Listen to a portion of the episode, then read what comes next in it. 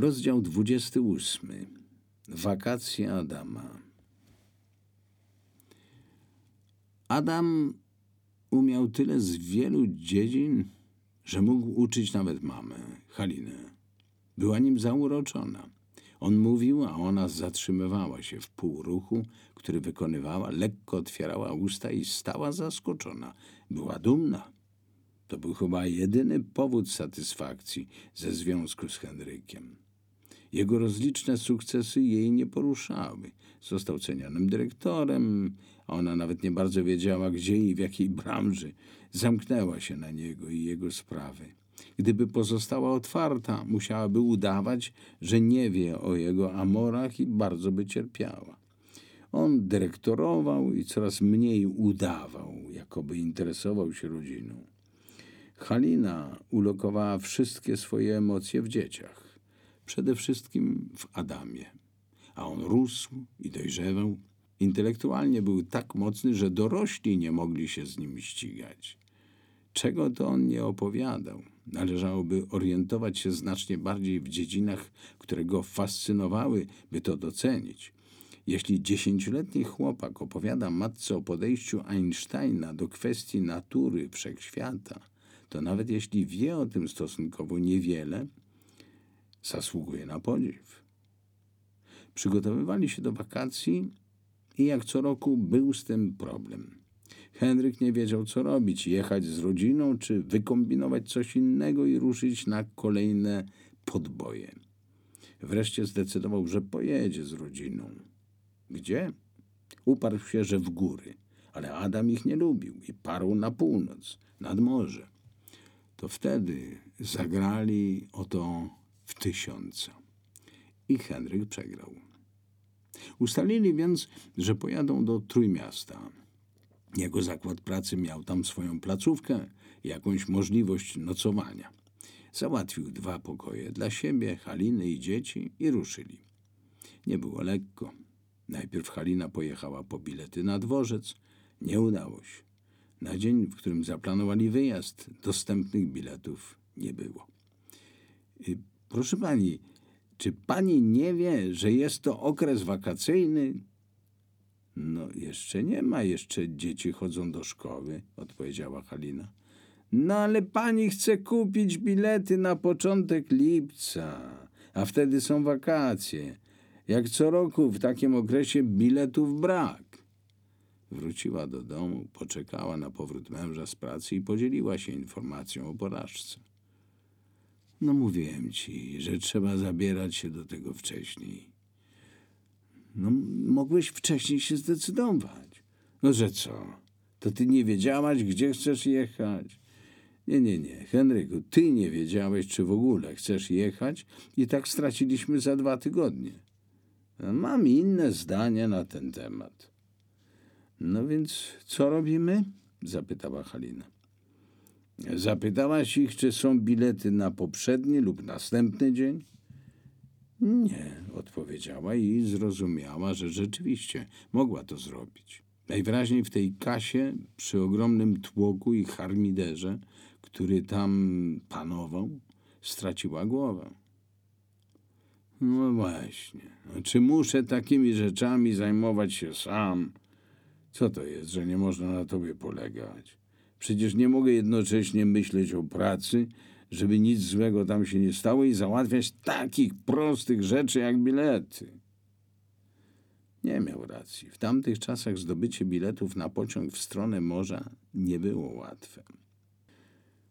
Opojadę tam jutro i załatwię, powiedziała zdegustowana Halina i tak zrobiła. Okazało się, że bilety są na kolejny dzień. Kupiła cztery do pierwszej klasy i wróciła do domu. Teraz Henryk nie miał na co narzekać. Po zakończeniu roku szkolnego, kiedy Adam przyniósł świadectwo marzeń z samymi piątkami, zaczęli się szykować. Przeglądała szafy, przebierała ubrania i notowała, czego im brak. Kolejnego dnia poszła na zakupy. Boże, co za gehenna. Robić zakupy w kraju, gdzie nie ma w sklepach niczego, to zajęcie chyba jedynie dla kabareciarzy. Pewnie dobrze z tym sobie radził Edward Dziewoński, a może Jan Kobuszewski, ale nie ona. Tak czy inaczej, te wakacyjne zakupy, całkiem niewielkie, zabrały jej kilka dni, w trakcie których zdołała znaleźć tylko najbardziej niezbędne rzeczy. Nadszedł dzień wyjazdu. Wszystko było zapakowane, uporządkowane, bo zarówno Henryk, jak i Halina inaczej nie lubili. Henryk zamówił taksówkę, bo dla niego było nie do pomyślenia ciągnąć się tramwajami czy autobusami. Ona uważała, że to przesada, szczególnie gdy on lubił wydawać pieniądze na swoje wygody i nie lubił, gdy wydawała ona. Ale się nie odzywała i ruszyli. Dojechali na dworzec wschodni od strony kijowskiej i weszli do środka. Boże, co tam się działo? Henryk musiał spuścić z tonu, bo dysonans między spokojem panującym w taksówce a harmiderem panującym na dworcu był ogromny. Mieli bilety, więc mogli teraz pominąć te gigantyczne kolejki. Znaleźli odpowiedni peron i wdrapali się nań po schodach z ciężkimi walizkami. Adam milczał, siostra tym bardziej. Halina miała dosyć, gdy spojrzała na tłok, a Henryk myślał, po co ja się dałem namówić. Stał tam wyraźnie wyobcowany, w poczuciu, że znajduje się w wysoce niewłaściwym miejscu. Co innego Adaś. On milczał, ale był zaciekawiony. To pierwszy jego wyjazd na wakacje, tak daleko od domu. Wcześniej wyjeżdżali tylko do rodziny, raz do ojca, raz mamy. Teraz czekały ich dwutygodniowe wczasy, a on uwielbiał zwiedzanie. Marzył o pływaniu, czego prawie nie umiał, a miał nadzieję wreszcie się nauczyć. Tłum oszalał. Gdy drzwi wagonu się otworzyły, ktoś z nich żwawo wyskoczył, a kto inny już wsiadał. Zaraz wskakiwali inni, byle szybciej, byle mieć jakieś miejsce. I wtedy coś nieprawdopodobnego. Otwierały się okna tu i tam, a ci, którzy stali na peronie, wchodzili do pociągu właśnie tędy. Jak tak można? myślała Halina. Co za dzicz, myślał Henryk. Ale heca, myślał Adam, a siostrzyczka była pełna obaw. Już chciała podnieść swoją torbę, gdy ojciec powiedział: Zaraz, zaraz, to nie nasz pociąg. Gdzie się śpieszycie? Nasz przyjedzie na ten drugi tor. Na peronie zrobiło się nieco luźniej. Do pociągu, który niedługo ruszył, wsiadła pewnie połowa tych, którzy tu stali. Czekali jeszcze kilkanaście minut i nadjechał ich pociąg. Odbyła się taka sama heca jak wcześniej, ale oni nie musieli się śpieszyć, mieli miejscówki. Poczekali więc, jak oszalały tłum zajmie swoje miejsca i spokojnie wsiedli do wagonu pierwszej klasy. Tutaj panowała inna atmosfera. Znaleźli miejsca, bagaże ułożyli na półce nad głowami i usiedli. Spokoju jednak długo nie zaznali. Mimo, że w ich wagonie można było przebywać wyłącznie z miejscówkami, korytarz wypełnił się i stał się straszliwie tłoczny. Konduktor próbował interweniować, ale nie dał rady. Jak miał tam wejść? Gdyby nawet zdołał, nie mógłby przechodzić od przedziału do przedziału. Na dodatek dostał jakieś pieniądze od jednego, a potem drugiego pasażera i udawał, że nic nie widzi. Co robili na wczasach? Sporo czasu spędzali razem. Ale wieczorami Henryk gdzieś znikał, a Halina najpierw bawiła się z dziećmi, a potem szykowała je do łóżek. Najpierw Ewę, potem Adama. Wtedy w myślach narzekała na los, ale wstrzymywała się od ocen, bo nie były jej potrzebne. Jest jak jest, myślała. Udało jej się dużo zwiedzić. Rano, po śniadaniu i po obiedzie najczęściej przesiadywali na Sopockiej plaży. Adam pływał coraz lepiej. Halina nie wchodziła do wody głębiej niż po kolana, a Ewa w ogóle. Nie pomogły namowy Adasia, który wolał bawić się w wodzie razem z nią. Musiał się pogodzić z faktem, iż siostrzyczka uważała, iż igraszki wśród fal nie są zabawne. Na szczęście znalazł sobie towarzystwo takich chłopaków jak on i bawili się doskonale. Wrzaskom nie było końca. Zorganizowali konkurs pływacki niemal na początku turnusu. I wtedy Adaś wyraźnie przegrał. Gdy powtórzyli go pod koniec czasów, on wygrał. I to jak? Odbył się też turniej w budowaniu zamków na piasku, który Adaś wygrał tak wyraźnie, że inni chłopcy nie mogli się nadziwić. Zastosował całą swoją wiedzę i spryt, by jego zamek był najfajniejszy. Pewnie użył do tego celu fizyki kwantowej albo przestrzeni Hilberta, by nikt mu nie dorównał. Zwiedzili zoo w Gdańsku Oliwie, tamtejszą katedrę, gdzie Adam z otwartymi ustami słuchał niebywałych starodawnych organów. Byli w Sopockim Amfiteatrze, na Molo w Gdyni i na Deptaku w Gdańsku, gdzie wielokrotnie spacerowali i zajadali się lodami. Adam nauczył się pływać i to naprawdę dobrze. Dużo jadł i nabrał odwagi. Łagodził spory rodziców, które i tak nie przekraczały małżeńskiej normy i dużo czytał. Wziął ze sobą kilka książek, każdą z innej dziedziny, a rodzice kupili mu kilka kolejnych. Przed wyjazdem do domu ojciec wziął go na spacer i przeprowadził poważną rozmowę. Od dawna czyhał na okazję, by zaszczepić w chłopcu jak najwięcej ze swoich przekonań. Przeszkadzało mu to, że Halina ma na jego syna tak duży wpływ. Wolałby, żeby stopniowo upodabniał się do niego. W końcu to jego krew. Byłeś z mamą w kościele? Zagadnął zaczepnie Henryk. Tutaj na wakacjach? Nie. A chciała cię wziąć ze sobą? Co prawda nic takiego nie słyszałem, ale mogło tak być, kiedy mnie z wami nie było. Ja namawiała i to mocno, ale udało mi się wymigać. Nie, żebym był bardzo przeciw, ale jakoś mi się nie chciało.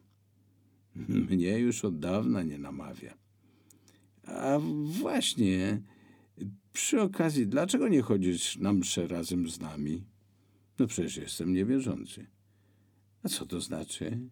No nie wierzę w to, że świat stworzył Bóg i że w ogóle ktoś taki istnieje.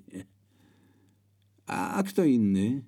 No sądzę, że to wszystko dookoła kreuje się samo. Działają tu prawa fizyki i inne, a wszystkie konkretne i weryfikowalne, a nie jakieś niejasne cuda.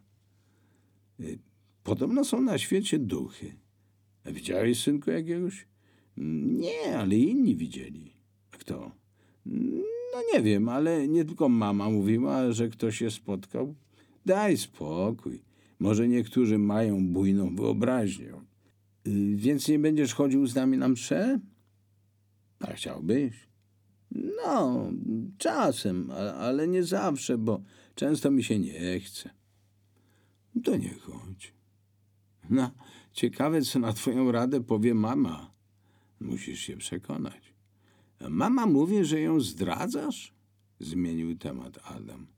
Do tej pory nigdy nie podniósł tego tematu, a trzeba przyznać, że bardzo go nurtował. Że co? Y, no, po prostu, że zdradzasz. A skąd jej to przyszło do głowy? No mówiła, że ty nie wiesz, że ona to sprawdza i wie. No i czegoż to ja się dowiaduję od syna na wakacjach? Co jaki jest? Zdradzasz czy nie? No, sądzę, że nie. Mama nie ma otwartego charakteru.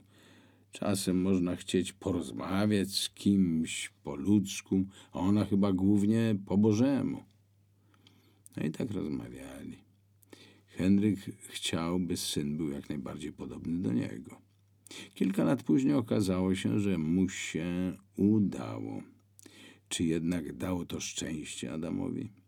Póki co Henryk fascynował się religiami wschodu i ezoteryzmem. Kiedy rosła jego kariera zawodowa i pracował coraz więcej, zgłębianie tych tematów stało się bodaj najlepszym sposobem na relaks, nie wspominając o przygodach z kobietami. W końcu nie mógł z nimi spędzać całego wolnego czasu. Kiedy był w domu i nie znajdował wspólnego języka z żoną, siadał przy swoim biurku i czytał. Tak go to wciągnęło, że kilka tajemnych ksiąg wziął ze sobą na wakacje. Było za wcześnie, by pokazać je Adamowi, ale co się odwlecze, to nie uciecze, myślał. Co najbardziej pociągało go w ezoteryce? To mianowicie, że jest to wiedza dostępna dla wtajemniczonych, a on chciał być najbardziej wyjątkowy, jak to tylko możliwe. Nie tylko w taki sposób, że kolejne kobiety miały go uwielbiać i potwierdzać, że jest wspaniały, najprzystojniejszy, najlepiej ustawiony, nadzieja całego pokolenia i tak dalej, ale również wybitny politechnik, który zna się również na filozofii i religiach wschodu.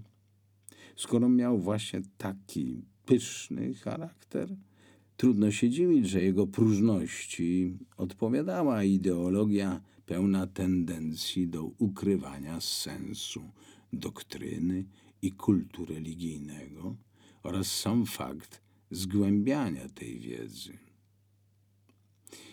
Zgłębiał więc tak bardzo, że zapominał o Bożym świecie.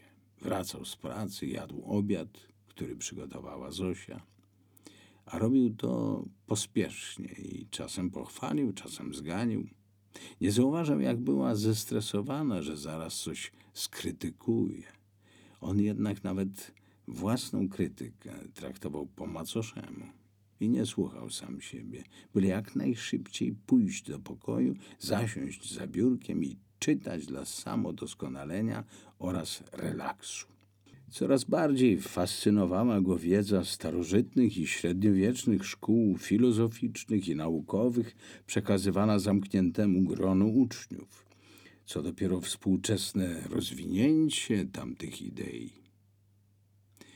Wrócili do Warszawy. Adam skorzystał z wakacji na wiele sposobów. Był mądrzejszy i dojrzalszy. Tak wyglądała jego droga w stronę świata dorosłych i świata nauki, który stopniowo stawał się jego. Nie tylko odpoczywał i się bawił, również on miał ze sobą książki. Tyle, że na razie nie takie same jak ojciec.